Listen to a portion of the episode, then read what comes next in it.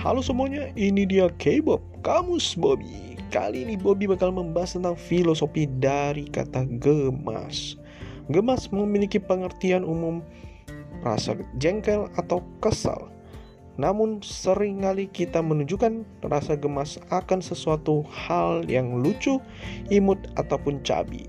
Biasanya berupa hewan-hewan lucu ataupun anak bayi yang menggemaskan. Bagi Bobby sendiri, Gemas memiliki filosofi. Gemas filosofinya. Geli-geli sampai lemas.